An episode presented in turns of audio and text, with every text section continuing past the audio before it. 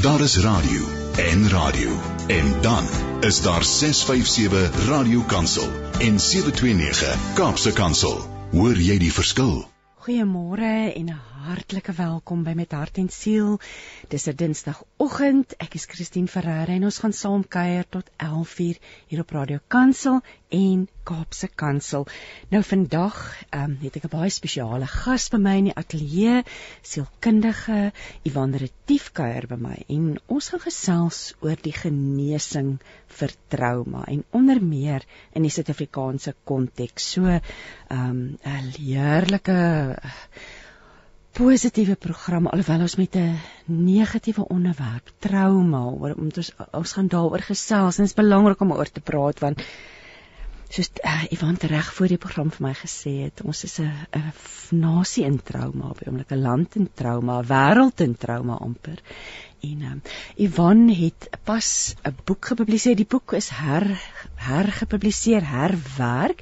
Die titel is Genesing vir trauma in die Suid-Afrikaanse konteks. So is 'n nuwe tweede uitgawe en ja, Ivan spesialiseer in verhoudingsberading, traumaberading en ontlonting. Baie interessant en sy het vir baie baie jare by FAMSA gewerk. So Ivan, baie welkom hier in die ateljee.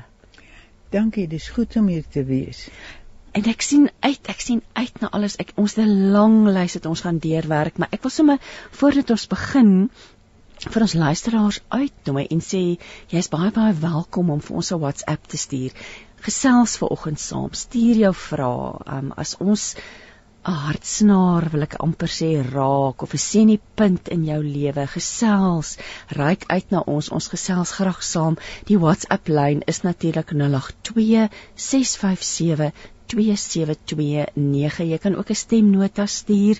Um, andersins stuur sommer vir ons aan 'n gewone ehm um, WhatsApp. Ek het oopgemaak hier vanoggend by Psalm 109. En ag dit dit dit in vers 26 sê dit Here my God help my tog help my asseblief uit die moeilikheid uit u het die kinders baie lief en mense moet sien dat u hulle uit die moeilikheid uit gehelp het so 'n klein stukkie ter inleiding uit die woord vir ons gesprek vir oggend. Ivan, jy's al jare en jare besig hiermee. So bietjie oor jouself. Asseblief vertel vir ons net waar jou belangstelling in die sielkunde, die pad wat jy geloop het tot by vandag. Vertel vir ons so 'n bietjie meer. Ja, dis al 'n lang pad. Ehm uh, ek het ek het eintlik begin uh, my basiese opleiding as 'n mediese tegnoloog en 10 jaar in daai rigting gewerk in mediese navorsing hier en in die buiteland gedoen en so. Toe het ek my kinders grootgemaak en toe die jongste een so speelskool toe gaan. Toe nooi iemand my om 'n keuringsproses deur te gaan by FAMSA om as 'n huweliksberader opgelei te word. En ek het die keuring geslaag en ek dacht ek gaan dit doen solank as wat sy tot sy skool toe gaan en dan gaan ek terug na my ou beroep toe wat ek baie geniet het. Toe het ek hier in begin werk en sy se opleiding gekry. Ek het huweliksvoorligting en beraad gedoen. Ek het uh ek het uh ja, sielkunde gedoen by Tikkies en toe kom ek op 'n punt waar ek moet besluit en ek het ek het dit geweldig geniet en regtig gevoel ek is 'n instrument in die Here se hande. En toe het ek sy aangesig gesoen, gesoek en sy antwoord vir my is in 'n uh, eh, 'n uh, eh, Jesaja 28 ag Jesaja 50 vers 4 en ek sal dit graag gou vir jou wil lees want dit het regtig my wêreld verander en vir my 'n nuwe rigting gegee en dis waarin ek nou al 41 jaar hmm. is en wat vir my steeds oneindige en oneindige plesier en bevrediging uh, bied. En dis dis Jesaja 50 vers 4 ekskuus tog ek moet dit oopkom uh, die Here my God het my geleer om die regte woorde te gebruik sodat ek die wat moeg is kan moed inpraat. Elke môre laat hy my luister, weer luister. Hy laat my luister soos 'n leerling moet luister. Die Here God het my geleer om te luister. En jo, dit, dit is 'n kosbare, kosbare stuk skrif. En dit was vir my so direk vir myself wat besig was om sy aansig gesig daaroor. En ek het nog nooit weer teruggekyk nie. Ek het toe 21 jaar by FAMSA gewerk, huweliksberaad en al die dinge wat daar oor jou pad kom.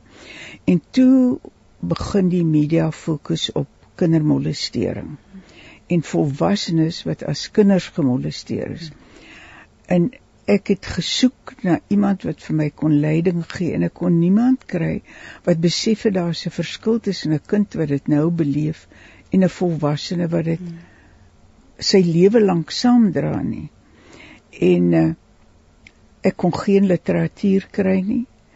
En dis nou 'n lang storie hoe ek kennis gemaak het met 'n terapeut in Engeland.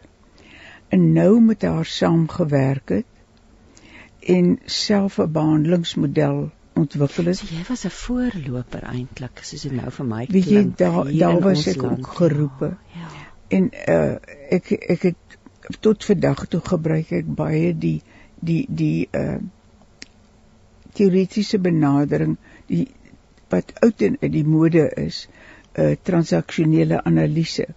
En dit was 'n baie aktiewe organisasie daai tyd. Ons het baie baie geleer en opleiding gekry. En ek het so 'n behandelingsmodel daarop ontwikkel en daaroor 'n uh, 'n boek geskryf en baie werk in daai rigting gedoen. En daaruit het my belangstelling, maar dis 'n geweldige trauma. Hmm. En toe ons situasie in ons land so agteruit gegaan het, het ek besef maar hier's 'n baie baie wyeer trauma. Hmm. En iets wat wat moet beskou word. En toe het my belangstelling daar uitgegroei.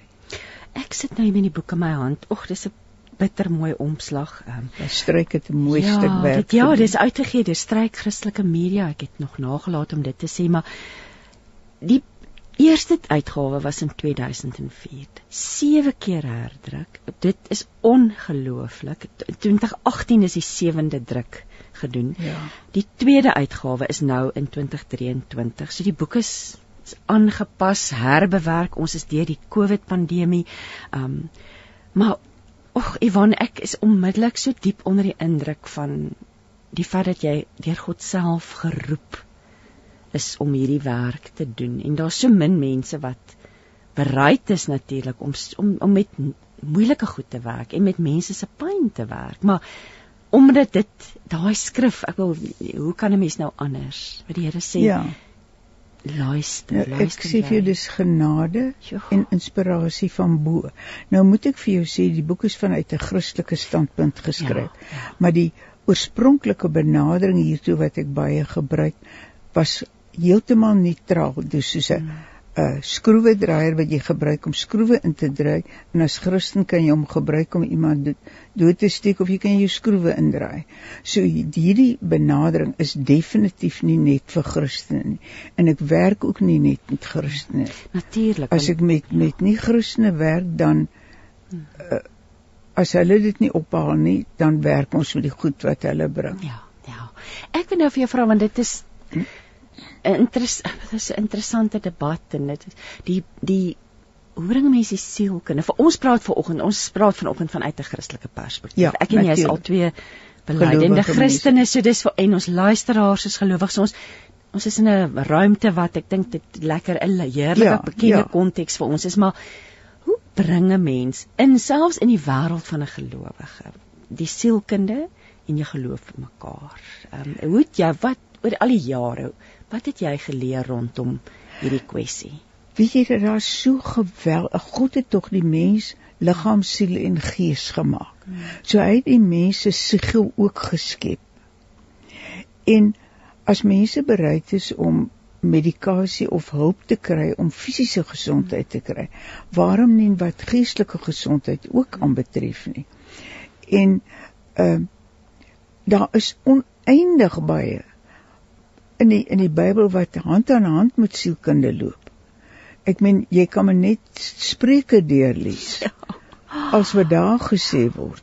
klaagliedere. Ek het Klaagliedere. oopgemaak by klaagliedere vanoggend vanoggend toe dog ek nee, ons kan nie ons kan nie draai by klaagliedere nie. Dit dis 'n moeilik, maar daar roep, daar's 'n uitroep van pyn Ja. en ontevredenheid en ongelukkigheid in daardie boek in die Ja, daar's mense wat uh, uh, ek meen Elia daar onder die bos gaan sit, Ja. vies vir die Here en bedruk oor die Hmm. en uh, Jona het gesê Nee, ek, ek sien nie." hier voorkans nie, ek gaan nie en nou sit ek met hierdie storie. Ja. Jy weet, so die die die menslike natuur word vir my baie mooi word erken in die Bybel met sy swakhede. En ehm uh, as die Here dan vir jou woorde van wysheid gee en jy kry by ander mense woorde want 'n mens mes dieselfde jou woorde van wysheid. Ek het in my lewe nog nie ophou leer. En uh ek kan elke mens wat by my opleiding gehad het, kan ek amper sê het ek goed by geleer. En die Bybel praat van die mens tog in sy volheid. Hmm. En dit beteken God wil nie hê ons moet mank gaan aan trauma nie. En as hy jou toerus om 'n hand uit te steek, hoekom nie? Kom ons praat oor die boek en ons gaan net nou gesels oor die verskil tussen trauma en stres en ons gaan verskillende aspekte van trauma bespreek. Maar kom ons begin net eers by die boek self. Wat wat behels die boek en en en ja, Weet jy, ek dink dit is die maklikste as ek la- laat ek vir jou kort sê, die boek gaan Ek het baie gewonder hoe ek dit sal skryf en ek het dit in die verlede so geskryf en dit gewerk en toe het ek daarbey gehou. 'n Jong maatskaplike werkster wat 'n vriendin van my is wat by my kuier, my kom groet, sy kry haar eerste pos in op die platteland. En toe sê hy, sê vir my, ag man, ek jy weet ek weet nie vreeslik baie van trauma af nie, maar uh, en ek sal seker nie veel daarmee te doen kry op die platteland nie, maar kan ek jou maar kontak? En dan binnekort kontak sy my want daar is toe 'n winkelroof. Uh en die die winkelroof was daar 'n aantal mense teenwoordig. En laat ek eers sê die boek begin deur 'n beskrywing van traumatiese ervarings in die lewe en wat trauma is en wat die normale proses van trauma is dat 'n mens die begrip van trauma verstaan. Hmm. En dan uh, uh, uh, is dit 'n korrespondensie tussen my en hierdie jong maatskaplike werker Erika wat met baie meer trauma op die platteland te doen kry as wat sy gedink het. Ja. Sy het byvoorbeeld die eerste een is 'n winkelroof en daar's 'n hele aantal mense in die winkel. En elkeen van hom het 'n eie storie. En hoe dat hierdie trauma by elkeen sekere goed losmaak en hulle weer by van hulle familie en hulle dan by haar gaan hulp soek en en so in die proses dek ons goed soos 'n verkrachting, 'n abortus, 'n plaasmoord, motorongeluk, 'n selfdood, 'n miskraam, intensiewe sorg wat 'n enorme trauma op sigself is. En so 'n hele aantal sulke goed en dan beskryf ek sekere tegnieke wat 'n mens baie beter af is as jy dit in 'n werkswinkel leer. Maar ek beskryf dit na die beste van my vermoë en die feit bly staan as jy 'n boek geskryf het, as jy kan hom hoeveel keer lees, jy kry daarna altyd foute.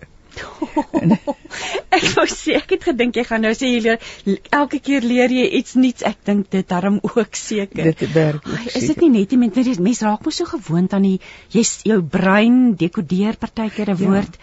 Dit het al met my gebeur Ja. baie. Dit het al met ons met die tydskrif gebeur dat daar 'n spelfout is wat ons almal gemis het. Ja, En dan v- vyf mense dit gelees. en jy kan nie glo dat jy 'n ding soveel keer lees en 'n fout by jou verbyglip nie.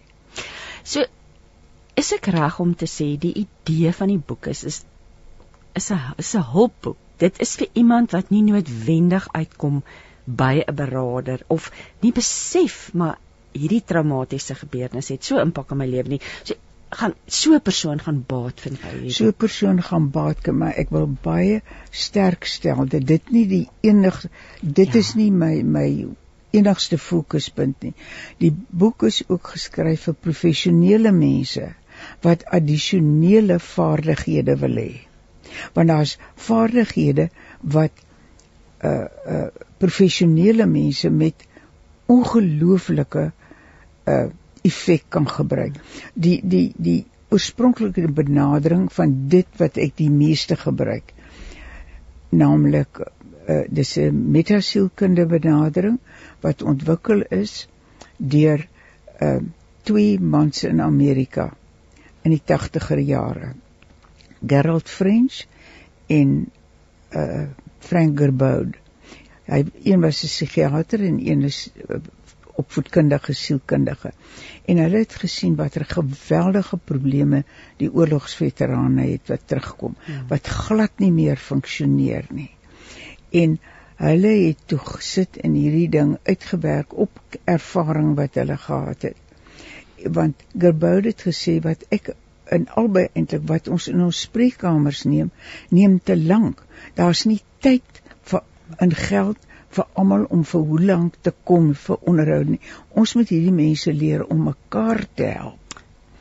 En dit was hulle uitvergangspunt. En uh uh hulle het hulle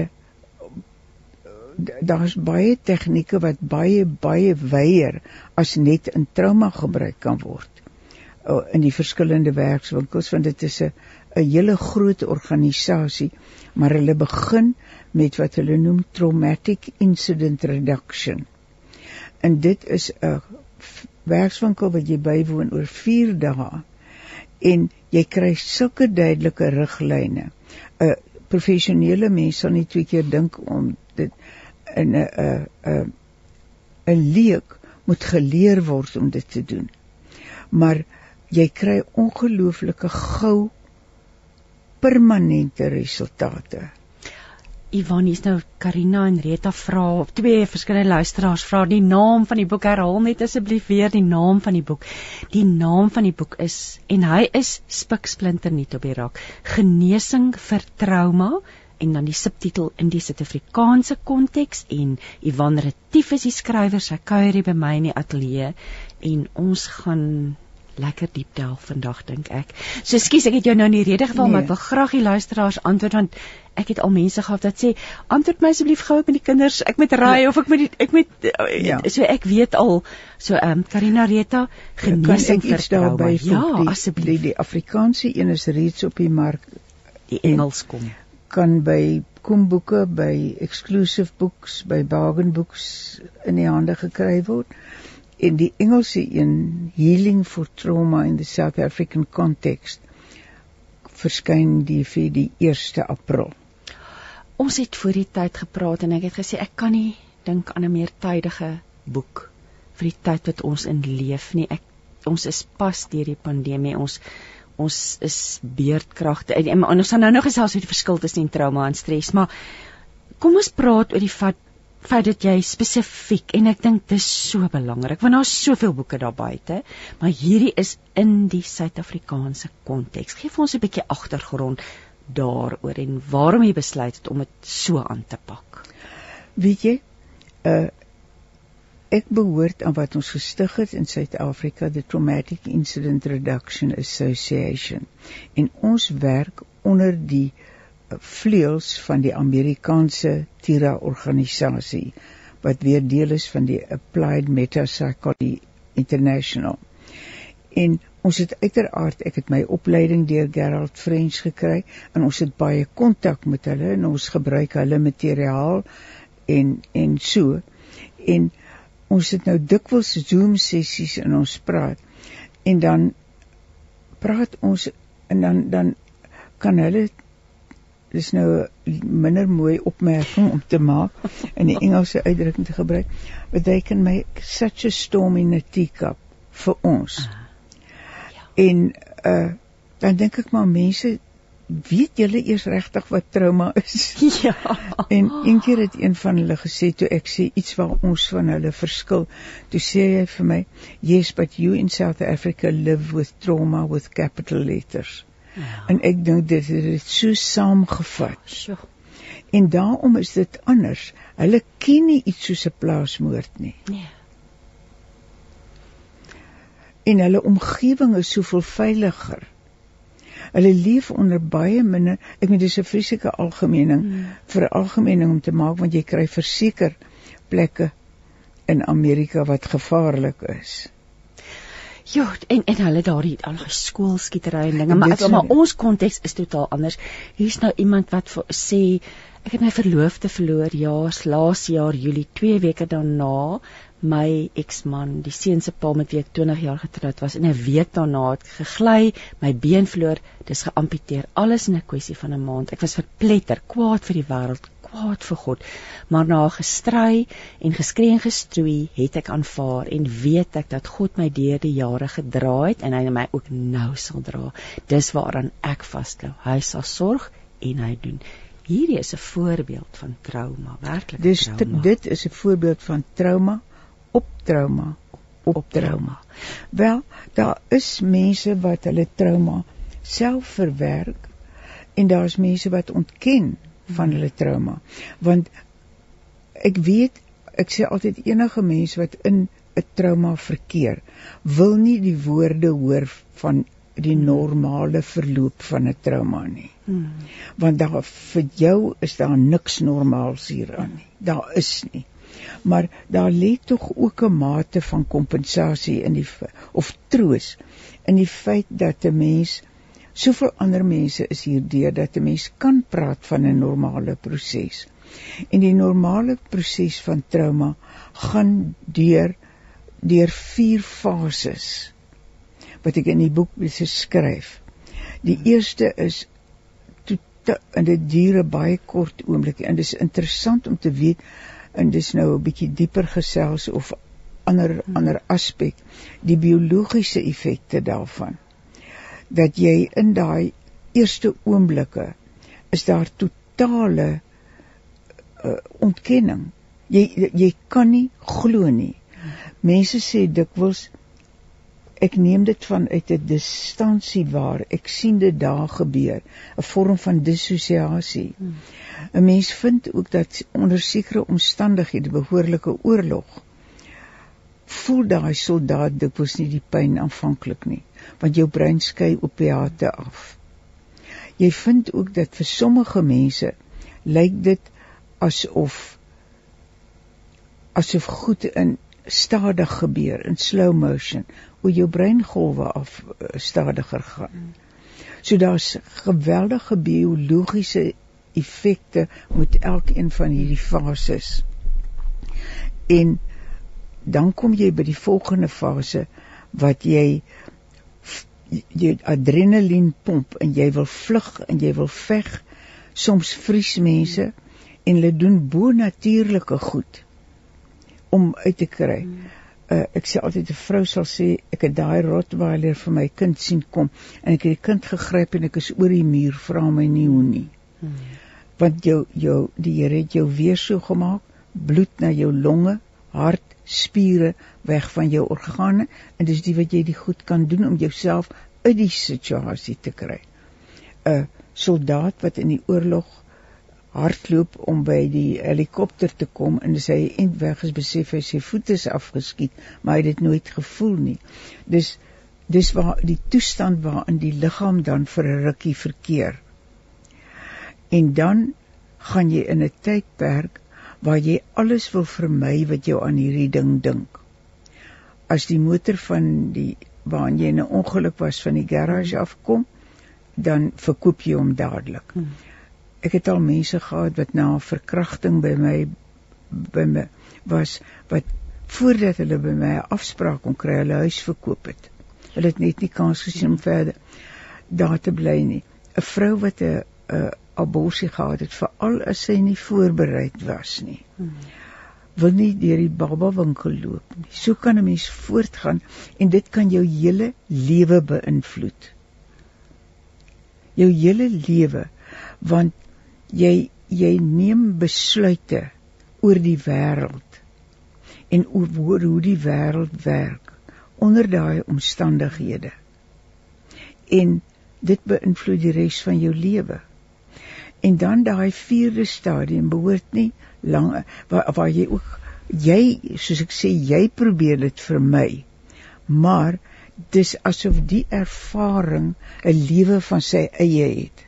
Hy bly bly terugkom deur middel van drome terugflitsse drome wat dikwels nou nagmerries is terugflitsse en sneller triggers hmm als herinner jou daaraan en jy daar geen beheer oor nie. Geen beheer oor nie. En dit maak dat mense vir jou sê as uh uh ek sê wanneer was hierdie trauma op 'n eind? As jy hy daai tyd begin, maar hy het nog nooit geënt nie. Dit hou aan in dis soveel jaar. Nou baie mense steek daar vas. En dan almal gaan deur daai fase, maar as jy normaal aanbeweeg, dan kom jy na 4 weke, 6 weke op 'n punt waar jy begin sin maak. En jou erge emosies verdwyn en jy maak sin op jou manier. Wat dit ook al is, jy maak sin. En daardie sin bring jou dan terug en jy gaan aan. Soms word mense net verskriklik moeg en moet hulle eers 'n ruk vakansie neem. Maar soms hou daardie trauma daardie jy bly daarin. Jy bly terugflitse en drome in. In hierdie proses wat ons as eerste linie gebruik vir trauma, die die TIR of traumatic incident reduction, die moet jy nie doen binne 72 uur na die ding nie. In by party mense definitief is dit nog te gou. Dan moet eers 'n bietjie tyd. Want ja. jou brein is oorspoel met streshormone. En dan vind 'n mens dat jou liggaam in daai toestand bly. En as jy nie kom tot op die punt waar jy self betekenis maak nie, dan gaan jou funksionering agter, hierdie ding bly in jou en jy kan miskien dit hanteer maar dan gebeur daar 'n ander ding en 'n ander ding. En die langste wat ek dit gedoen het na die insident uh was 60 jaar. En 'n kollega van my het met 'n man van 85 wat 'n aaklige ervaring op 5 gehad het, dit gedoen en die man was reg.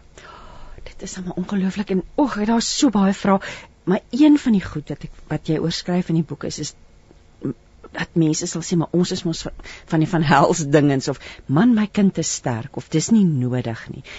Ek wil nou vra hoekom is mense partykeer weer sinnig om te dink hulle kan dit self regmaak? Watter antwoord het jy vir so iemand wat nee maar ek is sterk, ek kan dit doen, my kind is sterk en ek wil nie hê sy moet te berading gaan nie want sy gaan nou net huil of wat ook al gebeur ja. nie. Hoekom hoekom doen ons dit? Weet jy, ek dink dit ek moet vir jou sê dis iets wat my wat my wil laat huil. Ja. En en jy skryf ook so, jy sê sê dit in die boek daar en dit my so geraak. Ja, weet jy, want ek dink aan hierdie mens wat met hierdie pakkie gaan loop vir die res van hulle lewe, behalwe as hy hom werklik gekom het tot op die punt waar hy sin maak hmm. en van daardie negatiewe emosies ontslaag geraak het en die mense wat betrokke was op die punt gaan kom waar jy al neem dit hoe lank wat jy hom kon vergewe en aangaan met jou lewe. Maar as daar nog, dit is klink nou baie teoreties, maar nog energie vasgevang lê in daai ding. Hmm. Daar's nog altyd 'n steek. Nou iets waaroor ek dink ons moet tog ook 'n oomblik stil staan is die verskil tussen rou en trauma. Daar's 'n groot verskil. Jy kan nie verwag om klaar te rou wees in 6 weke nie en dit hang ook af van jou ervaring hoe lank dit jou vat. Maar in elk geval uh dit is 'n dis half 'n uh, 'n karakteristiek van ons nasie. Hmm. Ons is sterk mense. ons kan vat wat ons kan toe kom. Kyk waardeur gaan ons mense nou en ons verloor nie ons sin vir humor nie. Nee. Die verloor humor, ons humor red ons maar altyd, nee. Ja. En ons gaan ja. aan na die beste van ons vermoë as 'n ding nie werk nie, dan kyk ons en ons kyk wat kan ons doen om dit reg te maak en ons ons doen.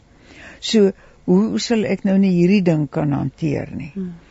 En en uh daai daar's 'n trots op 'n op 'n ek is sterk, ek het dit gevat. Hmm. Ek meen ons maak ons kinders van kleins af so groot. Ek vriende van ons het 'n ou dogtertjie in in in 'n uh, pleegsorg gehad. En sy was so 5, 6. Toe sê sy vir hulle dogtertjie: "Weet jy, ek is van yster gemaak." Toe sê sy: Hmm. "Is nie jy's van vleis." Toe sê sy: "Is nie my pa kan my gooi in die bad, ek hoef nie te huil nie." Ai. Ai. Nou jy weet, ek meen dit is nou 'n Ja. uiterste voorbeeld. ja, maar, Maar cowboys don't cry, mans wys nie.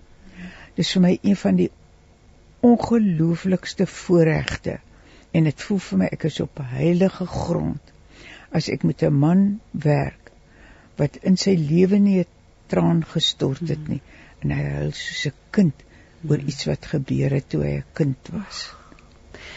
Annetjie vra net weer. Sy sê asseblief die naam van die boek en die naam van jou gas Annetjie. Ek gesels met Ivan Retief. Sy kuier hier by my in die ateljee tot 11:00 vanoggend. Die boek wat pas gepubliseer is, Genesing vir Trauma in die Suid-Afrikaanse konteks. Die uitgewers is Struik Christian Media, beskikbaar in alle voor, vooraanstaande of boekwinkels reg oor die land.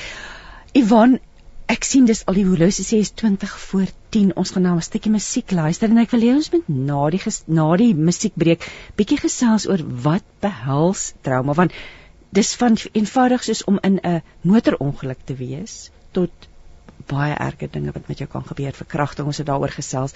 En kom ons gaan verder daaroor nou nou gesels. Maar kom ons luister eers na musiek en ons luister hierna dat ek sien hoekom kan ek nou vandag nie sien nie. Michael Neal wat vir ons gaan sing. Made me made me glad. Daar is radio en radio en dan is daar 657 Radio Kansel en 729 Kaapse Kansel. Hoor jy die verskil? Jy luister dan met hart en siel. Um, ek is in gesprek met Ivan Retief, skrywer van die boek Genesing vir Trauma binne die Suid-Afrikaanse konteks. Ivan, ek wil nou vir jou vra wat is die verskil? Jy het begin praat oor die verskil tussen rou en trauma en dan stres en trauma, maar voordat ons daaroor gesels, wat is trauma? Want daar is teoretiese daar's die die die die die sielkundige handleiding, die DSM-5 gee 'n klomp goed. Daar's allerlei teorieë, maar wat is trauma? Wat behels trauma? Weet jy, ek dink dit is 'n baie individuele ding. En die DSM-5 is die psigiater se se se Bybel, sal ek maar sê, en die bied 'n uitgebreide uh uh definisie daarvan wat taamlik ingewikkeld is. Maar ek hou nogal iets wat wat uh, in in Dr Tessa van Wyk en Schultz in, in Jones se boek geskryf word. Sê ons is denkende mense. Ons dink na oor ons tragedie en ons nadenke kan ons tot raserny dryf. Die herbelewing van die gebeurtenis, dis terugflitsse, selfs die reuke wat te sneller is. Uh ontlok herinneringe van die trauma of victimisering. As rasionale wesens soek ons na ra rasionaal van die trauma. Wanneer ons dit nie vind nie, vererger dit die impak. Die sinloosheid van die gebeurte kan ons dryf tot wanhoop, kompulsiewe aktiwiteite, middelbesbruik en verslawende verhoudings. Alles poging om die pyn onmiddellik te laat bewaar. Al hierdie reaksies illustreer die diepte van die aanval op ons rasionaliteit Mm. en hoe stikkend ons wêreld is. Oei, Dis vir my mooi gestel. dit is mooi gestel. Maar- Ons soek na die sin want ons wil dit eintlik kan verstaan. Ja. Ja. En ek dink altyd 'n ding wat gebeur wat jy regtig nie verwag het nie of wat jy diep binne-in altyd gedink het dit dit sal nie met jou gebeur nie. Uh en hier gebeur dit. Ja. En dis baie sleg. Is 'n baie elementêre definisie Hmm. Maar dit beantwoord my van die, wat wat ek so beskou mag jy nie so beskou nie. En 'n mens kan jou soms verbaas van wat kan 'n trauma wees. Nou ek is glad nie 'n kundige op kinders nie. Daarom het ek ook gevoel die boek sal nie volledig wees as ek nie oor kinders iets skryf nie. Toe ek vir uh, Dominique Petrie Kutsie van Albertinia wat baie knap is met kinders het ek gevra om twee hoofstukke te skryf. Maar ek wil en ek kan hom nie genoeg bedank vir sy bydrae nie. Maar ek wil tog hier net 'n klein voorbeeld noem van 'n kollega van my wat 'n ou dogtertjie het ouers gebring sy wil nie skool toe gaan nie. En sy het geen probleem op kleuterskool gehad nie. Ouers kon nie dink wat gebeur het nie, maar na 'n lang speelstorie en so het my kollega uitgevind Die ma sê te vir wie alwaar ek kan dink, ons was in Makro die dag voor Kersfees. Nou mens weet hoe lyk dit dan ja. daar. En uh, ons het by 'n tafel gestaan en kyk en die volgende oomblik toe sy opkom is ons weg. Mm. En sy was beangs en sy kan ons nie sien nie al hierdie en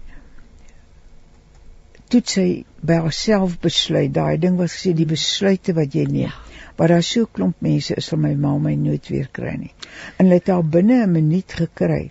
Maar sy sê toe vir my, vir my kollega, toe sy in die skool kom, sy sien al hierdie kinders wat sy geweet haar mag gaan haar nooit weer kry nie. So 'n kind wat ook anders dink as 'n groot mens, maar dis baie keer 'n split oomblik wat 'n ding gebeur. Ek het gewerk met 'n man wat in 'n oorlogssituasie was en hy het met iets heel anders na my toe gekom, 'n traumatiese roof.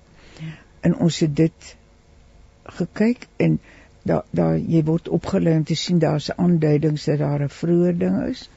En ek het na die vroeë insident gegaan, was 'n militêre ervaring waar hy vir 'n groep uh, bataljoene wat jy dit noem, verantwoord se veiligheid verantwoordelik was. En sy oog vang 'n kind met 'n geweer. En hy besef hy moet hierdie kind skiet of die kind skiet hulle. Hmm. en toe hy hy's toe gereed om dit te doen en toe hy weer kyk toe sien hy dis nie 'n kind nie dis 'n bok wat daar gestaan. En daardie split oomblik was vir hom so ontsettend dat toe hierdie ander roof kom toe toe knak hy om te dink dat hy gewillig was om 'n kind te skiet. Hmm. Al sê hy rasioneel vir hom, hy was verantwoordelik vir hierdie mans, is daai kind goed kon skiet het hy. So dis so onvoorspelbaar. Hmm. En 'n mens moet eerlik wees met jouself hieroor. Ek wil nou vir jou kom ons praat kom ons praat oor stres en trauma want wat is die verskil? Weet jy? Stres gaan verby is die oorsaak van die stres verby. Dis jou kort antwoord. As die krag aangaan na beer. Presies dit. Ek wil jou nou net daai voorbeeld gegee. As jou kar wat sonder petrol gaan staan het, petrol het. Ja. Jy weet, so wat dit ook al is, dis dis gewoonlik gewoonlik stres hou ons baie lank aan. Hmm. Maar uh daarom moet 'n mens jou bes doen. Kan langdurige stres tot trauma tot 'n trauma effek in 'n mens se lewe lei. Wel dit het definitief 'n effek op jou gesondheid. Iemand wat byvoorbeeld in 'n in 'n moeilike huwelik is. Die Weet jy daar daar daardie huwelik bestaan uit 'n reeks traumatiese insidente. So dit dit dit is eintlik die trauma wat daar lê goed gebeur wat hierdie mens nie gedink het gaan gebeur in sy huwelik nie. So daar beantwoord jy aan die definisie. Dit veroorsaak geweldig spanning. Maar as jy na die basiese definisie daarvan kyk, dan is stres wat iets wat verbeter of weggaan as die stresor weg is. Die, ons is ek is terug by ons het net wonderlik aan mekaar gesit hierdie Here. Ja. Nee, as 'n mens regtig na die na die biologie van trauma begin kyk, dis fascinerend. Daar's veral 'n uh, 'n uh, uh, Bessel van der Kok is 'n Vlaamse Belgiese uh, neuroloog wat ongelooflike werk op die liggaam en trauma gedoen het. Waarskuwingstekens. Um, want ons en ek ek, ek het so baie ding maar waarskuwingstekens want ook hoe weet jy jy het hulp nodig? Hoe weet jy ander mense het hulp nodig? Ons hoor daar, voel vir amper daagliks van traumatiese gebeure. Ehm um, van wat met ander gebeur. Eintlik is dit net weer 'n ander vraag. Wat is die impak daarvan op ons? Maar, ja, maar kom ons ons daar ons sal ons sal ons later daarby kom. Gaan ons eers net praat oor wat is die waarskuwingstekens dat jy weet jy het eintlik hulp nodig. Iets het met jou gebeur en jy het regtig eintlik hulp nodig. Weet jy, as jy aanhou droom daaroor of terugflitsse kry of wegskram daarvandaan, uh of jy jy uh daar's daar's uh, sneller triggers wat vir jou da, daaraan herinner, reuke, smake, kleure, geur, 'n uh, omgewing, enige so iets, 'n geluid wat vir jou telkens daaraan laat drink, laat dink met 'n onaangenaamheid. Hmm. En as dit nie verbygaan nie. En as jy almekaar ongewone gedrag het. Jy weet, jy jy raak hiperbedag. Uh en jy jy sien ek meen dis moeilik om te weet in Suid-Afrika want as jy jou jou uh veiligheidsstelsel opgradeer, is jy nie hiperbedag nie, jy's net verstandig. Ja. Maar as jy nou soos iemand wat ek 'n slag geken het wat die, die veiligheids uh, sekuriteit laat opgradeer maar elke aand moet hulle 'n groot meubelstuk voor elke deur en venster mm. skuif ja. en môre moet hulle dit weer wegskuif as daar sulke gedrag is wat wat vreemd is mm. dan weet jy en as jy weet hier binne al sien ander mense dit nie jy skram van hierdie goed weg mm en daar's ander goed wat 'n mens 'n uh, ander aspek wat 'n mens vergeet of wat 'n mens nie van bewus is nie. Dat soms is 'n traumatiese ervaring so erg dat jou brein dit uitsny. En jy werklik dit vergeet. En daar's 'n goeie biologiese verklaring voor. Maar ek ek ek kon nie verstaan dat 'n mens op 8 op op 13 iets soos 'n 'n gangrape beleef. Hmm. Ek weet nie wat se Afrikaanse woord daarvoor nie. En dan onthou jy dit 10 jaar later. En dit laat mense soms dink ek is besig om my verstand te verloor. Hmm. Maar dit gebeur. Hmm. En dan moet 'n mens weet jy het hulp nodig. Jy het regtig hulp nodig. En as daardie terugflitsse in drome langer as 2 maande aanhou, dan dan het 'n mens regtig hulp nodig. So vreemde gedrag en daardie vermydingsgedrag en dan moet jy weet. Iets soos eenvoudig soos om in 'n motorongeluk te gewees het en dan sien nie wie agter te wees elke keer as jy by die verkeerslig stilhou dat iemand dalk weer agter jou ingaan nee, inry. Nee, aanvanklik is dit 'n heel natuurlike reaksie. Maar as dit langer as dit langer is dit aan. So dit ja. hou, dit is normaal dat dit vir 'n rukkie. Dit is normaal. Dis jou liggaam wat so ja. reageer. En dit is normaal. Ek dink die DSM sê 2 maande. En dan maar daarna moet daarna moet jy gaan en as dit aanhou, dan word dit posttraumatiese stres wat 'n sleg effek op jou gesondheid het. Ja, want dan raak daar dan se fisiologiese manifestering manifestasies van, en ja, effekte, ja. ja. Kom ons gesels oor en ek het nou dit vlugtig genoem, maar die impak op 'n gesin of 'n familie as 'n lid van die gesin aan trauma blootgestel was en nog steeds aan aan die hoe hanteer mense dit as gesin of as familie? As so, ek bedoel daai ding wat gebeur wat niemand dink met jou gaan gebeur nie, gebeur met jou kind of met jou ouer of met jou grootouer. Hoe hanteer 'n mens dit?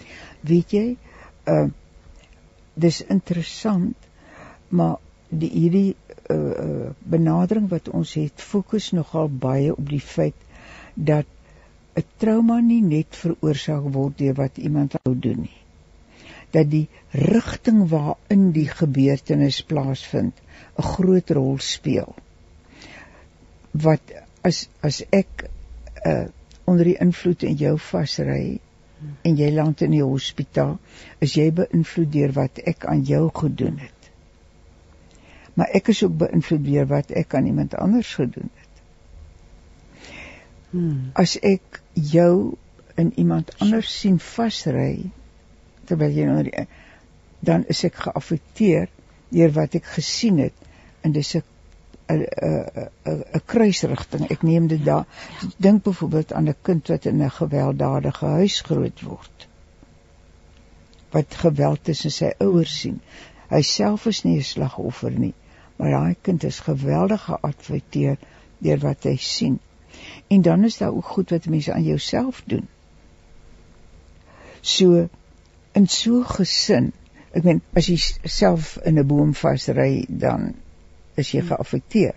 So die rigting waarin dit gaan moet 'n mens aandag aan gee.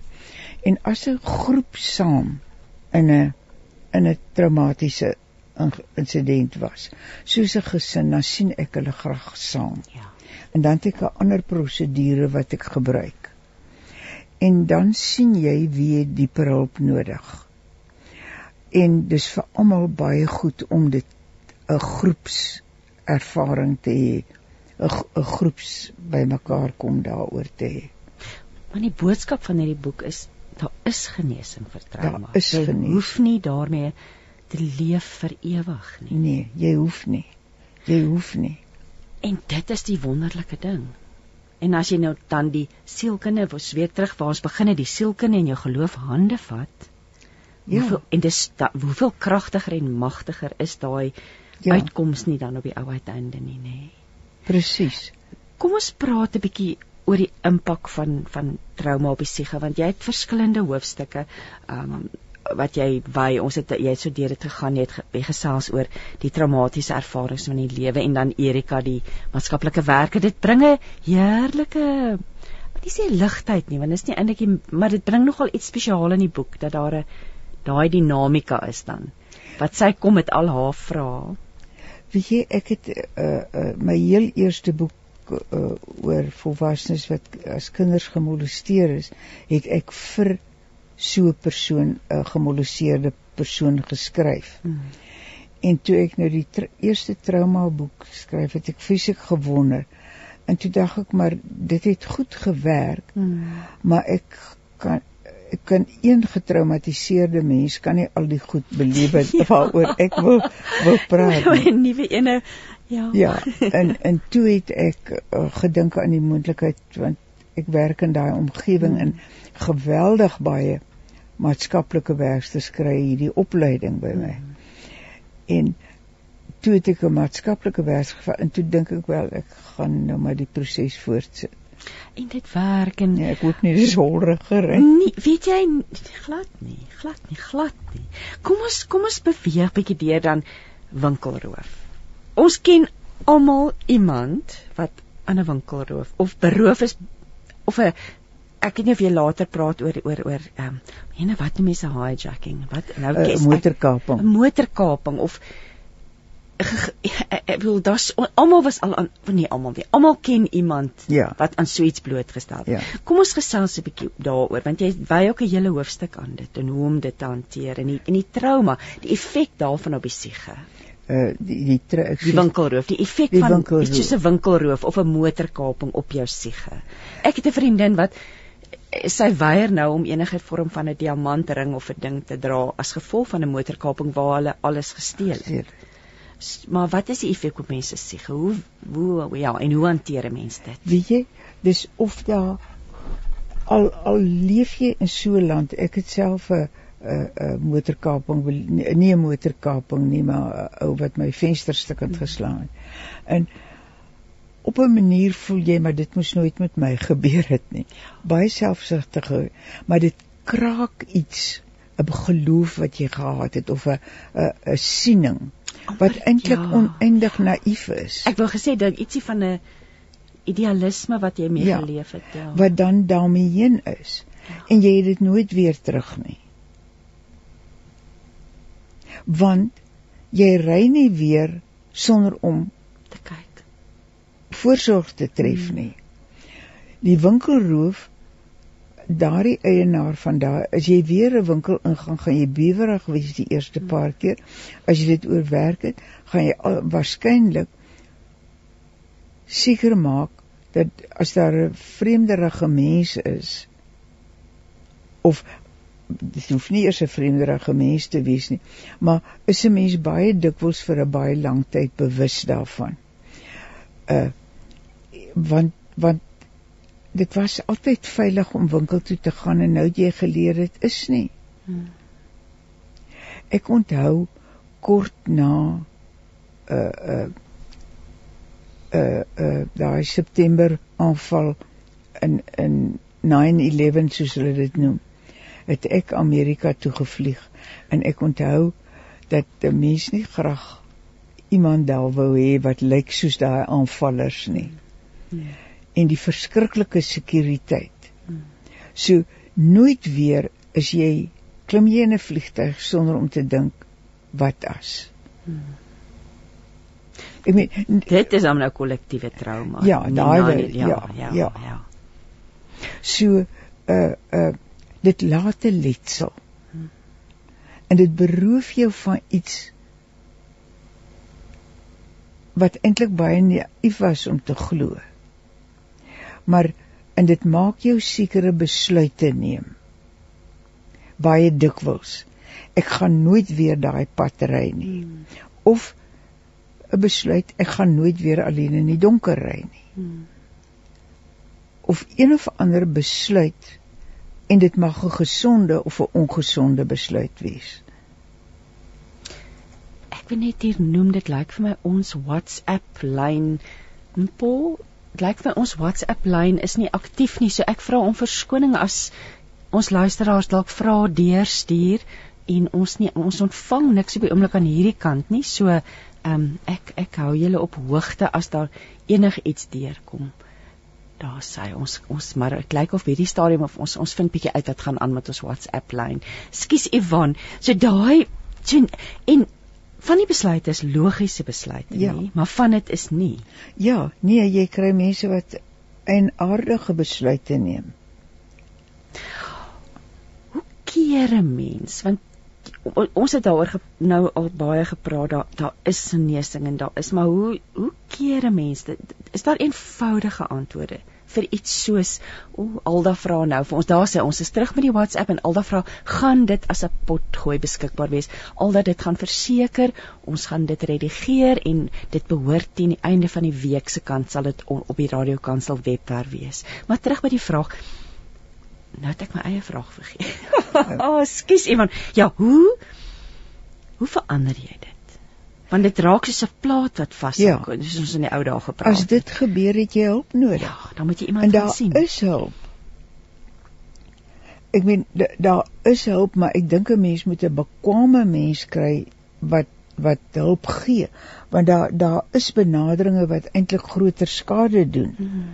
Ek het ek het al gehoor van benaderinge wat sê die oomblik wat daardie mens enige emosie wys, moet jy die proses stop en die onderwerp verander. Hmm. Ek meen, hoe gaan jy daardie mense help om deur hmm. om om deur hierdie gevoelens te werk totdat hulle uit dit in op 'n ander manier op sy eie sien. Dit is ook 'n groot verskil in hoe ons werk. Die mens met sy antwoorde uit homself kry. Ek stel nie vir hom voor. Hmm. Hoekom dink jy nie daaraan so? Kan jy nie op 'n ander manier daaraan dink nie. Wat van dit nie? Hulle maak hulle eie ongelooflike afleidings wat vir hulle reg is. Jy begelei daai mense ook. Nou, ons het 'n 'n webwerf Terasa Traumatic Incident Reduction Association met opleiers oor die land. En talle en talle maatskaplike werkers, predikante, hmm. sielkundiges en ook mense in ander beroepe vrywilligers wat ja. opgelei is om hierdie werk te doen. Want dit ons het regtig so 'n netwerk ja. nodig. En, en maar dit is op ons webwerf en die mense wat geregistreer is is goed opgelei.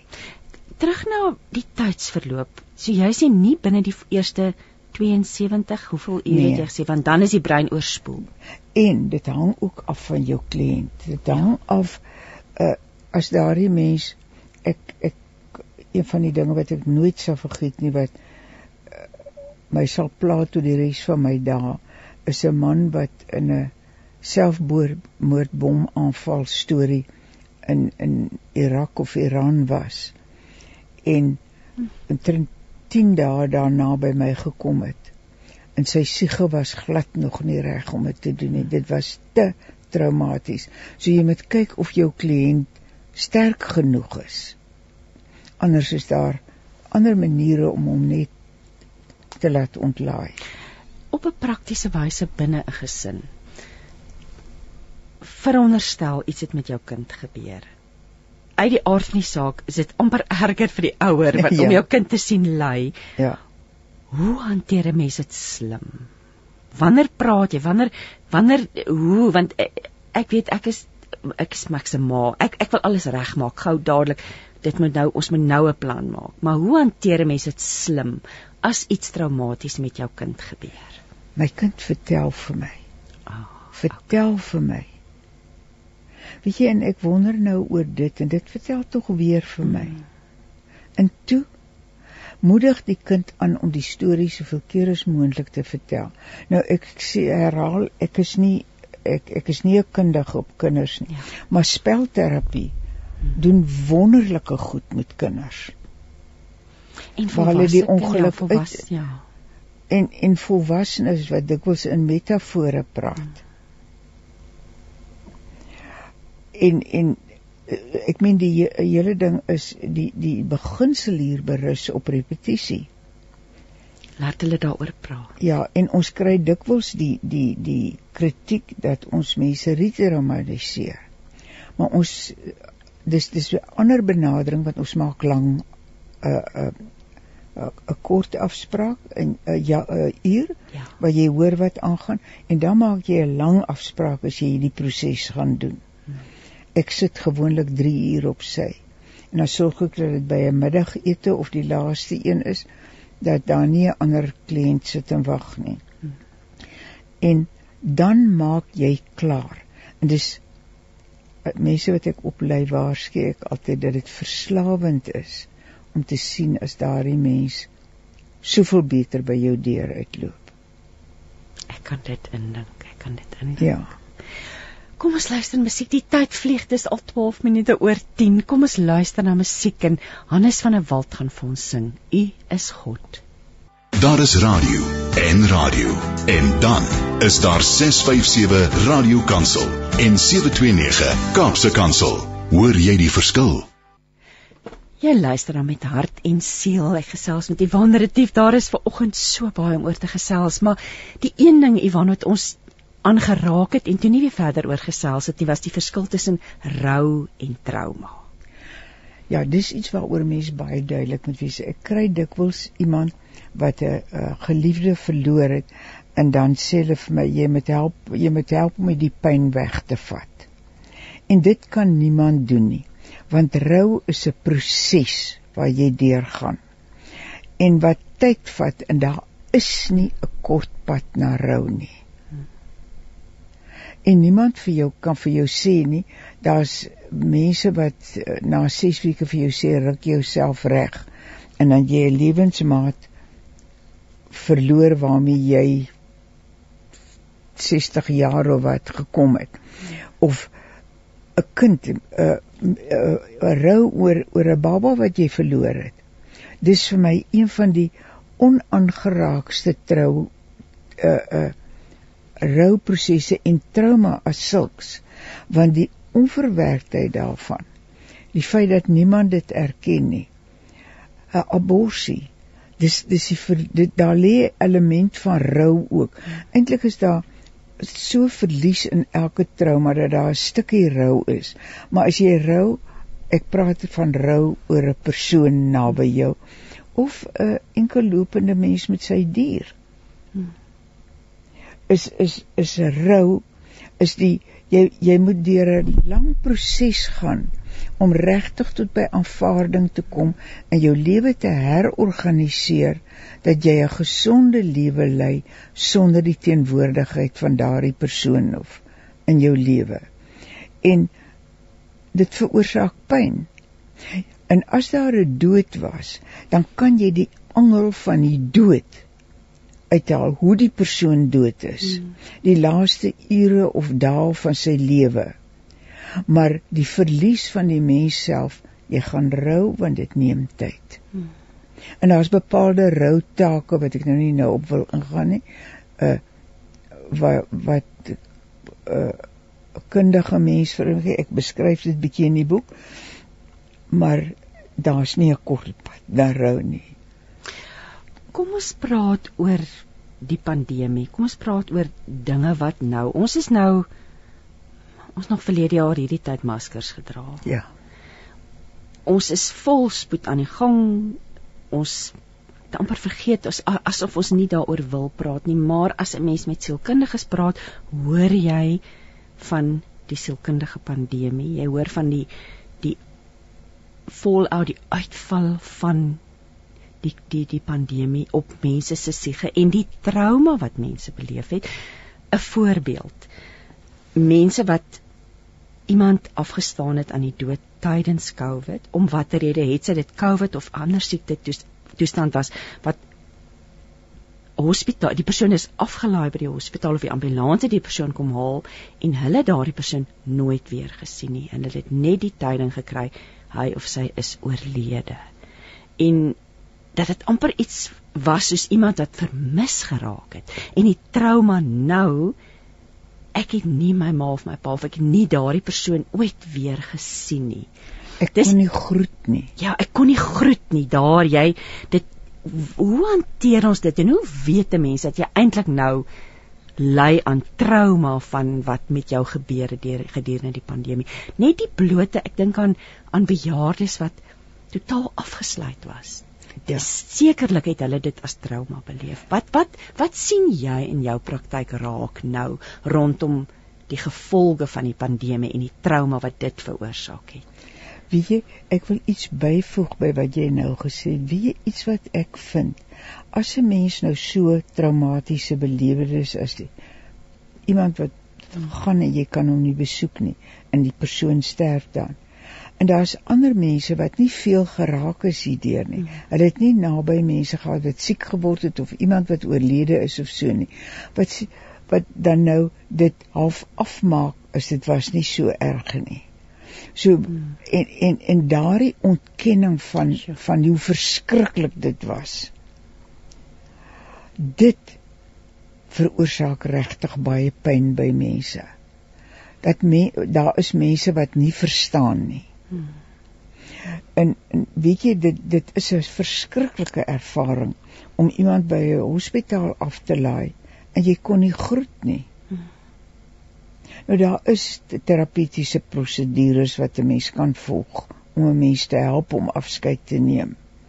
Want dit kan vir jou 'n 'n 'n 'n ding 'n onverwerkte traumatiese ding wees wat so erg is dat jy ook nie kan rou nie. Hmm. En wat daar lê. En jy weet, die die oorspronklike Griekse woord vir trauma is dieselfde of dit fisiese of emosionele trauma is. En nie soos 'n fisiese wond wat jy nie versorg nie, erger word. So wo of soms word hy gesond maar met 'n lelike letsel. Maar ek dink altyd eintlik is die lewe so kort. Hoekom soveel tyd hmm. spandeer om swaar te kry as jy deur 'n ding kan werk? Maar dan staan mense wat ook voel as ek hierdie as ek dit sou verwerk, dan gaan ek hierdie mens vergeet in in in hmm. dit gaan uh wat sê dit van my? So die die COVID het baie uh fasette aan die aan die hele proses gehad. As jy dink die die die die mense wat daar gewerk het wat bedags moet gaan werk in hulle eie gesinne word in gevaar gestel. Hulle eie gesinne word hmm. siek. Hulle te doen met familie wat ongeduldig word want hulle kan nie by hulle mense kom nie. En mense wat wat tot die dood toe moeg is. En uh, wat iemand vir my ook gesê het is daardie ding van 'n pasiënt wat jy leer ken. En dan sterf daardie persoon. En die bed word afgetrek en die volgende mens kom in en jy het nog nie jy het nog nie daai emosionele skuif gemaak nie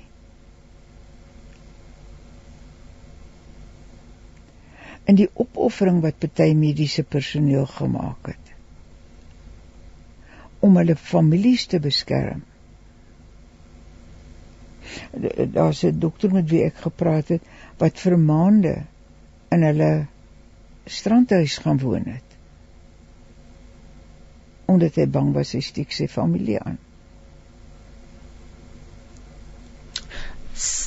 Sal hierdie periode vir ewige letsel laat vir in ons geslag. Dit is soos die dis soos die holocaust of nie mens kan dit nie met dit vergelyk nie maar enige groot traumatiese gebeurtenis. Jy, laat tog maar 'n letsel want hierdie was wêreldwyd. Dit was wêreldwyd en dit was iets wat ons glad nie verwag het nie. So dit was trauma. Ons het nie gedink dit gaan gebeur nee.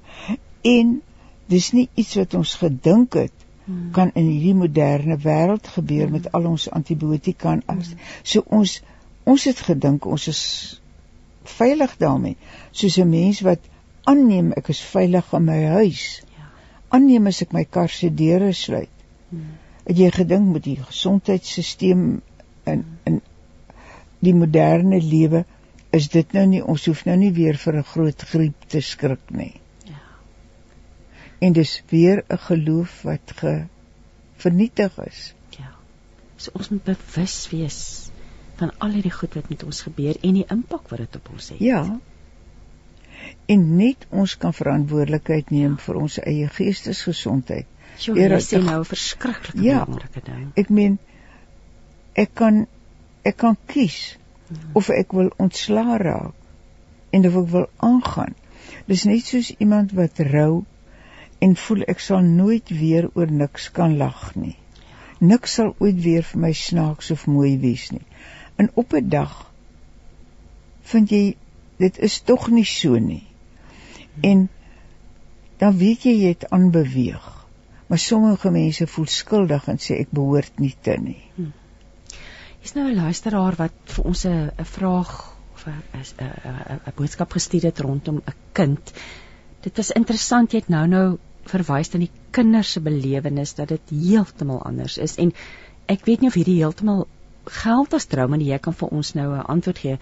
Die uh, persoon sê my kleinkind is verwerp deur haar pa, het 'n ma wat heeltemal onbetrokke is. Sy bly nou by haar, by my, ek is haar ouma en ek probeer my bes om haar lewe in balans te kry. Toe sy het begin netbal speel, het goed gespeel, was mal daaroor en sy is gister uit die span uitgegooi. Haar hart was so stikkend, weer het sy die verwerping gevoel en gesê sy's niks goed nie. Sy's 13 en sy praat gereeld van sy en sy was dood ek sy kan preet gereeld sy praat sy praat gereeld van ek wens ek was dood. Um ek kon die teleurstelling in haar oë sien hoe help ek haar. Weet jy as 'n kind praat van nie langer wil leef of so nie, 'n mens moet dit nooit ignoreer nie. Ek sal vir daai kind professionele hulp soek. Hmm.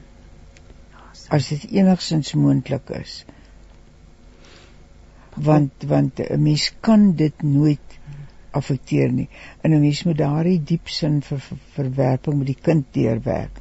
Maar soos ek sê, sulke jong kinders is nie my veld nie. Ja. ja. Maar daarvoor is mense soos Pietrie daar en en gaan soek hulp. Gaan soek hulp is ja. eintlik die antwoord vir jou ja, vir hierdie soek hulp vir daai kind. Kom ons praat 'n bietjie oor hoe om die stukke op te tel. Ons of Hey, wag, en daar's eintlik 'n hele paar. Daar's eintlik nog 'n hele paar dinge. Ons ons het nog so halfuur oor. So kom kom ons gesels dalk 'n bietjie oor plaasmoorde. Dis 'n realiteit in ons land en veral ons praat van in die Suid-Afrikaanse konteks. Ja. Die traumatiese effek daarvan. weet jy dit kring so wyd uit want dit is eintlik 'n gemeenskapsdrama. Ja, ja. Die hele gemeenskap word geraak daar daardeur.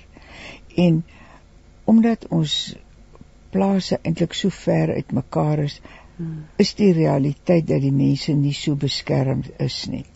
En daardie mense leef gedurig in vrees. En hulle sien ongelooflik na mekaar om wat wat 'n gemeenskapsgevoel maak. Maar dit het 'n geweldige gevoel van onveiligheid op die platteland geskep en by mense en hulle gesinne. En daar's 'n gedurig by die hele die kinders, die volwasse kinders van die mense wat boer. By almal van hulle is daar hierdie gedurende onderliggende bewussyn dat dit enige tyd kan gebeur en die die die geweld waarmee dit gepaard gaan is afgryslik en die totale uh ontoereikendheid van die polisie om iets daaraan te doen en die die die boere se magteloosheid dit dra alsby tot 'n geweldige geweldige emosionele impak op ons land en is amper te groot om te hanteer vir vir 'n gewone mens. En die mense wat daarvan hoor en so ja, weer eens hulp, daai netwerk moet daar wees. Nou weet jy, uh, daar is 'n trauma netwerk gestig in Suid-Afrika waarvan 'n uh, hele aantal groot organisasies onder andere ons ook met Terasa betrokke is wat hulp aanbied en ondersteuning onder omstandighede. Jy weet, daardie uh onregmatige inhegtenisneming na so iets en ja. Sjoe, en mens wil en, ekskuus tog, 'n mens vergeet dat die arbeiders wat by hierdie ja. boere werk. Dis iets wat ek ook in die boek aanraak.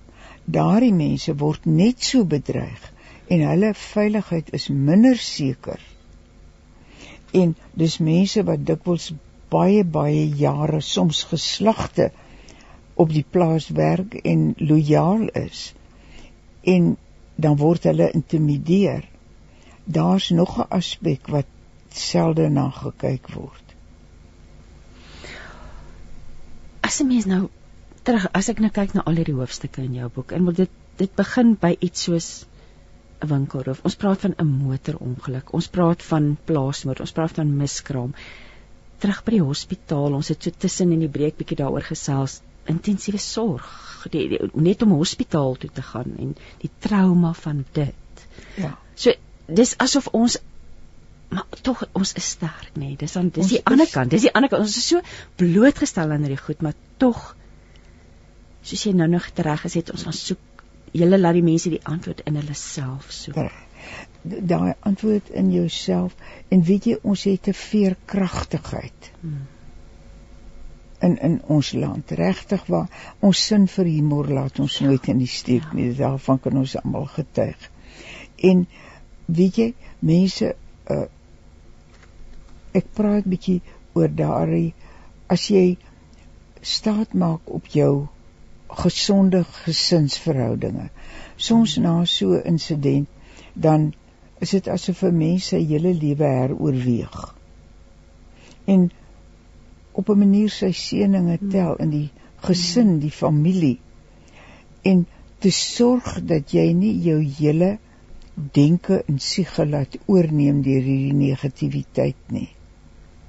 En met mekaar en mekaar aansteek om die hele tyd negatief ja, te wees nie. En en goed te doen wat vir jou energie gee, mooi musiek te luister of aan sport deel te neem of iets te doen wat jou ook op 'n manier voed. Ek wil ek wil nou kom by die by die hoofstuk oor hoe tel mense stukke op. Maar toe jy nou gesê het oor jou dinge te doen om jouself te voed. Skuldgevoelens, watter rol speel skuldgevoelens? Jong, skuldgevoelens kan 'n geweldige rol speel. En daar is dit vir my amper makliker om met 'n Christen te werk. In die sin dat uh skuldgevoelens moet 'n mens jou heel eerste vra is dit waar of nie. As dit waar is, dan is dit iets waarna 'n mens dieper moet kyk. As dit nie waar is nie, dan is dit 'n boodskap wat nie van die Here afkom nie. Want Jesus sê ek het ek is die lig in die waarheid. Uh, iets wat vir my later duidelik geword het, is as jy 'n geredde mens is, kan die duiwel jou nie van jou ewige lewe beroof nie, maar hy kan vir jou van jou aardse kwaliteit. Ja. Deur wat doen hy met dit wat sy beste talent is, die leuns. En hy vertel vir jou leuns waaroor jy skuldig is. En wat jy als gedoen het wat verkeerd is. Luister 'n keer na wat is die waarheid? Hmm. En om dit dan te mekaar af te weeg. ek weet dit die daar iets van my oog nou daai vraag is dit die Here wat my straf? Ja. Sien daar's nou nog 'n ding. As daar sekere goed in jou lewe gebeur het dan moet 'n mens de, in in die mens loop met daai vraag. Moet jy dit met hom saam deur beleef of dit met hom saam deur hmm. kyk na waarom dink hy die Here sal hom so straf was daar motiewe by wat hy weet die Here weet van en hy nie. Mm. Uh wat lê daar agter?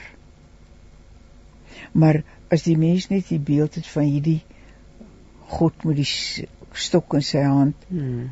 ja, dan dan kan 'n mens ja, daaraan ja. met die mens saamwerk. Uh maar dan dan dan is dit ook op meer geestelike vlak. Ja. Kom ons praat want jy wy nadat jy die verskillende traumas bespreek en en die korrespondensie dan soos in die vorm van die korrespondensie tussen jou en die maatskaplike werker kom jy by 'n hoofstuk wat sê hoe om die ehm um, die die die die stukke weer op te hul en ek gaan 'n stukkie voorlees. Jy sê na 'n paar stil weke kry ek hierdie WhatsApp boodskap van Erika. Ehm um, hallo Ivan, ek hoop dit het nog goed gaan daar by julle. Ek wil graag weer op jou knoppie druk. Die plaaslike kerk se vrouevereniging het my gevra om by hulle volgende byeenkoms 'n praatjie te gee oor hoe 'n mens na 'n traumatiese gebeurtenis weer kan begin en die wêreld in die oë te kan om die wêreld in die oë te kan kyk. Wil jy nie 'n bietjie jou gedagtes hieroor laat gaan en dit dan met my deel nie? So jy skryf dan verder ek het nou die geleentheid gebruik en notas um, rondgekrap en toe die volgende gedeel. So kom ons praat 'n bietjie oor daai stukke, daai dinge wat jy toe gedeel het. Hoe tel ons die stukke op? Weet jy, ek dink een van die dinge is op nie te kyk na jou familieverhoudinge en vriendskapsverhoudinge wat bydra tot die kwaliteit van jou lewensverhouding. Waardeer dit en ontwikkel dit. En moet dit nie net as vanselfsprekend neem nie. So om opnuut daarvan bewus te raak en 'n dankbaarheid daarvoor te ontwikkel is vir my 'n fisieke belangrike ding. Want 'n mens kan mense fisiek maak, ek sê tog. Ekskuus dat ek nie maklik daarvan vergeet. Hmm. En goeie vriendskapsverhoudings wat jy deur jare opgebou het en om hulle te vertroetel. Uh en weer bietjie miskien uitreik al is dit ja. vir jou hoe moeilik, nee. Ja, ja. presies. En verhoudings wat wat jou laat voel ek sê altyd jou soos 'n lap op laat voel. Hmm. En gedreineer word, bly weg. Ja.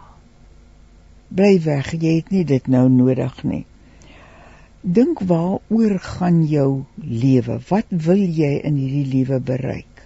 Wat wat is jou doel? Wat kan jy doen? Wat is jou talente? Uh en mens vind dat mense altyd hulle geloofs-oortuigings in 'n diepe heroorweging neem. Maar 'n mens so ervaring kan vir 'n mens baie baie dieper geestelike belewing en ja, belewenis nader aan die Here bring nie. Ja. Ja. En uh kyk hoe jy gesonder kan leef. Fisies, emosioneel. Uh wat is vir jou lekker wat jy geniet? Hoekom doen jy dit nie meer dikwels nie? 'n dieper waardering nê Ja, van dit. 'n dieper waardering en 'n 'n dankbaarheid. 'n Dankbaarheid. 'n Vriendin van my het jare terug vir my 'n boekie gegee. Sy skryf hierdie boekie vol elke oggend met vyf goed waarvoor jy dankbaar is. En dit was vir my so positiewe belewenis. Hier's nou 'n uh, iemand wat anoniem wil bly. Sy sê um, please. I saw my late son in the afternoon and we had tea the next day and then he passed away from a heart attack. It has affected myself and the family very badly. My late husband passed away from cancer and I got over it in time, but with my son I can't. To see his wife and children and to just go on in life is very traumatic for me. sien dit is waarom mense sê die trauma hou nie op nie. Ja. Die trauma hou nie op nie. Ek sou sê sy sy moet regtig probeer 'n 'n persoon gaan sien en ehm sy moet kyk of sy die die Engelse eksemplaar van die boek in die hande kry en kyk wat kan sy daaruit haarself help. Maar dit sou goed wees as sy 'n professionele mens. I, I actually just want to repeat that the book will be available in English from the 1st of April. The 1st Yvonne, of April and it will be called Healing for Trauma. in the South African context. Yeah. and uh, if you go to to uh, the our website I uh, think we need to just repeat that website. Ons het nou 'n paar keer het jy hom genoem, maar ek wil hom graag nou self neerskryf. Ek sê mos ek kan nie dink as ek nie 'n pen in die hand het nie. Dit is sê net weer asseblief vir ons die die we, Die- hele webwerf. wie jy ek sal mooi moet dink ek dink 'n mens moet op op uh, uh, dis nou uit my kop uit uh, hulle website Nie jou jy- die hele Nee. hele webwerf, jou Die- webwerf. nee Tirasa Tirasa, ja, dis die ene. Tirasa se se Hoe website spel kan ek nou daarie? my my eie webwerf is uh retief.ivan nee ekskuus dit is my e-pos um ivanretief.weebly.com Okay, .weebly. So- weebly.com Soos ivanretief.weebly.com en die en dan die Terrasa is die Traumatic Incident Reduction Association of South Africa. So Ja, ek dink as 'n mens net dit gaan maar sy intik, sy uh uh, uh dinges is agter in die boek Ja. sy verwysing so en Petrie se verwysing wat met kinders werk is ook in in die boek hier is die hier is hy. Mens kan 'n e-pos stuur aan info@tirasa.co.za. Dis een van die so as jy luister dit is as jy op ja. ander plekke mense soek ja. myne is daai .weebly En die, hier is hy ook agter in die boek. Die Tirasa uh, Traumatic Incident Reduction Association uh, is www.tir.org. So as 'n mens dit gaan intik Um, Ja. En, en natuurlik as as mens net die Ivan se naam bloot gaan intik, gaan al al die Ja. inligting rondom die boek gaan. Dis dan lekker van Google. Ons ons Ja. kan so maklik by dinge uitkom. So ter afsluiting, jy en sê ekskuus as Ja, mense tog. gaan Petrie se Ja, ja, die kinder dit- kom ons hier is ook 'n kontakdetail as ja ek nie mis dit dit nie. is in die boek Uh ja, hulp vir trauma met kinders, dis Petri Kutse, dis aan P3, die syfer 3, Kutse met 'n Z icloud.com. Ek gaan byvoeg nou, ek gaan al hierdie inligting nou deurgee vir die dames by kliëntediens. So as jy nie nou 'n pen byderhand het nie of jy wil, wil die inligting hê, kan jy net Radio Kansel se kliëntediens skakel 012 334 1321 en hulle gaan jou help na afloop van die program. Ivan, die laaste stap en dis ook heel gepas die laaste hoofstuk in die boek, die pad na vergifnis, want daar ja is 'n groot sleutel, nê. Nee. weet jy as daar nou iets is waarvoor ek sal plakkate plein toe dra is dit Hmm. oor daardie ding mense wat begin veral geestelike beraders wat begin jy moet vergewe Christus het jou sondes vergewe jy moet vergewe dit loop dikwels uit op vals vergifnis Hmm. wat vir my 'n uh, 'n sweer is waarvan jy nie weet nie wat wat 'n mens uh, dit is 'n proses dis 'n proses en jy moet weet en dit is dikwels as jy eers jou ander genesing gedoen het wat jy daarby kan uitkom. En daar's spesifieke stappe wat ek in die boek beskryf wat 'n mens kan gebruik. Maar dit is iets wat ook dikwels op jou knieë uitgeworstel ja, moet word ja. Want dit is baie swaar om party mense te vergewe. Maar dit is vir jou genesing. En ek het al so dikwels gesien, ek weet 'n kliënt het eendag vir my gesê, weet jy, hy maak nie meer saak nie. Ek het hom laat gaan soos 'n ballon met helium in. Ja dan affekteer dit jou nie meer nie. Want die oomblik wat 'n mens iets aan jou doen, is jy in 'n verhouding. Of jy dit wil weet of nie. En solank jy vashou, is daai verhouding vir jou sleg. Ja, dis om en dis ook 'n proses nê, want 'n mens kan jouself ook beskuldig in in die proses natuurlik om te sê ek jy weet ek kan nie vergewe nie. En ja. dan raak dit ook nog 'n bose kringloop. Ja, ja. Dit is 'n komplekse proses, maar die boodskap wat ons van die begin af gesê daar is hoop, hoop daar is hoop, daar's heling en daar is hulp. Ivan, jy het vir my genoem jy sien nog steeds mense dat ja, is nog steeds geroepe om om mense te sien. So as mense wil kontak maak met jou, is daar Ek moet net sê ek is op die oomblik bietjie vol. Is jy bietjie maar hulle kan my kontak op daai e-pos en en ek, uh, ek kan nou hulle ook verwys. As jy wil kontak maak en dat jy verwys natuurlik, jy gaan kan verwys want want jy's gebaseer in Pretoria en ek, ek is in Pretoria. En ek weet mense reg oor die land. Maar daar is mense oor die land. Ja. De, as jy wil kontak maak. Ekskuus tog, hulle ja. kan ook op die webwerf kyk. Daar is die geregistreerde mense is op die webwerf en dan kan hulle kyk wie in hulle omgewing daar is want daar is werklik jy het nou nog gepraat oor die maatskaplike werkerswerk reg oor die land um, ja en, en, en baie predikante en die kerke het ook berading nê nee, wat hulle Excuse toch? kerke bied ook berading natuurlik ja nou ek meen daar stem ek nie altyd saam met begin vergewe of so nie mm. maar as jy van hierdie tegniek wat vinnig help wil gebruik maak kyk na ons uh, info at tira en uh, kyk jy kan iemand in jou omgewing kry wat opgelei is. Jo, as ek nou dink aan alles wat ons ons het oor baie dinge gepraat, maar miskien dalk 'n paar kerngedagtes so ter opsomming van ons gesprek van jou kant af, so voordat ons afsluit. Weet jy? Ek dank die liewe Vader vir die manier waarop hy vir my op hierdie mende, uh, hierdie benadering laat afkom het en vir die ongelooflike sukses wat ek gehad het dit wat ek van ander kon leer en dat ek met ander dit kon deel. En dat jy nog kan aanhou om dit da, dit is 'n groot genade. ja, ja en as ek dink aan wat ons gesels het oor is dat 'n mens dit nie moet misken as trauma met jou gebeur nie. Nee. Dat jy moet uitreik.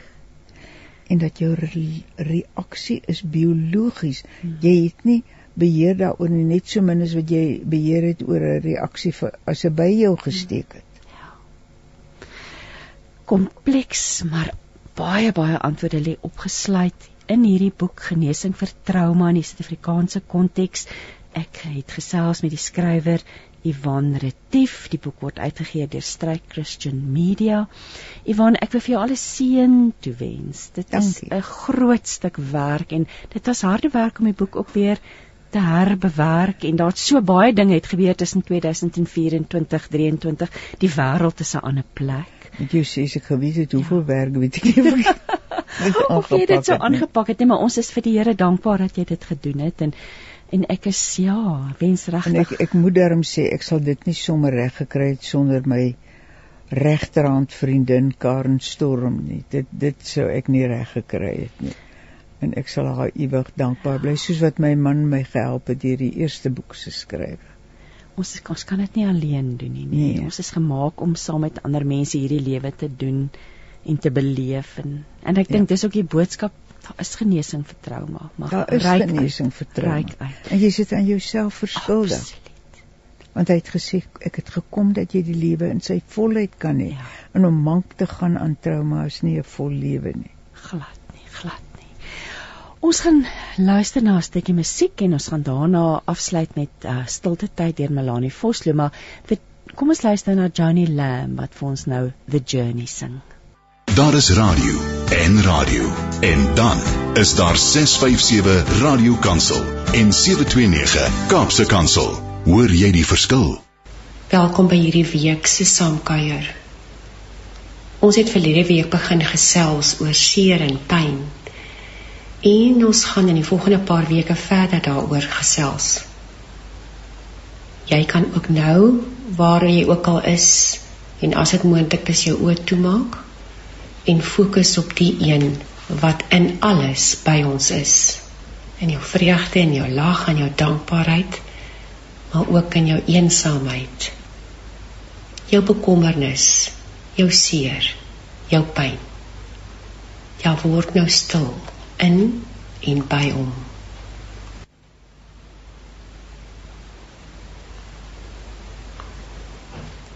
Daar is deesdae stukkende mense oral waar jy kyk. Sommige het liggaamlike pyn, ongemak en seer, en baie ander se stukkend wees lê in hulle harte in kommer, pyn, onsekerheid, twyfel, vrees. Ja, selfs die alledaagse frustrasies waarmee ons moet omgaan steel mos dag na dag 'n stukkie van ons moed en lewensvreugde weg. Wêreldgebeure die afgelope 2-3 jaar, die dinge in ons eie land het sluise in mense oopgetrek wat voorheen deur 'n groot voorgee damwal teruggehou is. Ja, elke mens het 'n wond of wonde, ook jy. Dalk is dit iets wat jy nog nooit in woorde omgesit het nie omdat jy dit so diep binne in jou dra. Of dalk is daar maar net nie 'n goeie omskrywing in die woordeboek vir jou leegheid, jou stryd, jou stoei, die dinge waarmee jy spesifiek worstel nie. Miskien het jy oor jare geleer om dit goed weg te steek vir ander, vir jouself en vir God. Die feit bly, dis daar En heel dikwels is dit 'n ander groot skok, gebeure of iets klein wat daardie wond ooptrap. 'n Klein iets wat al die opgeboude emosies soos 'n storm loslaat, jou weerloos laat. En dit kan jou selfs op vreemde maniere laat optree, op maniere wat jy self nie ken nie. Dalk het jy al ook soos Dawid in Psalm 69 vers 4 gevoel. Ek is moeg geroep om u hulp. My keel is hees geroep. Selfs my oë het ingegee soos ek vir God gewag het. Die vraag is, wat maak ons met ons seer? Hoe raak 'n mens weer 'n stukkende heel mens? Of hoe leef jy sinvol en met vreugde daarmee saam? Natuurlik hang dit baie af van watter fase van seer kry of trauma ons is. Jy ken mos die bekende Elizabeth Kubler-Ross se vyf fases van verlies en rou, naamlik die ontkenning daarvan, die kwaad word daaroor, die fase waarin jy probeer onderhandel, probeer om teen die ding wat gebeur het te stry.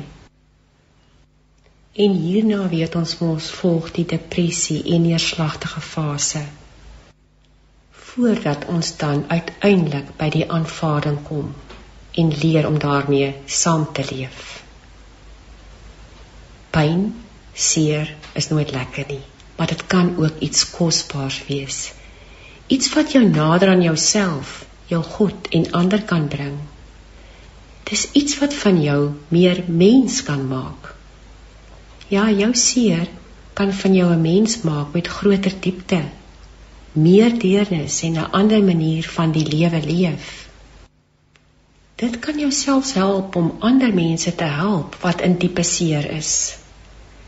Ja, wanneer ek en jy betekenisvol saam met die pyn in ons kan saamleef, dan word ons mense wat dieper, dapperder en meer dankbaar is. Dan gebeur dit dat ons op verrassende maniere God se hande en voete kan wees dat ons ander mense kan aanraak omdat ons 'n diep verstaan het van waar hulle is.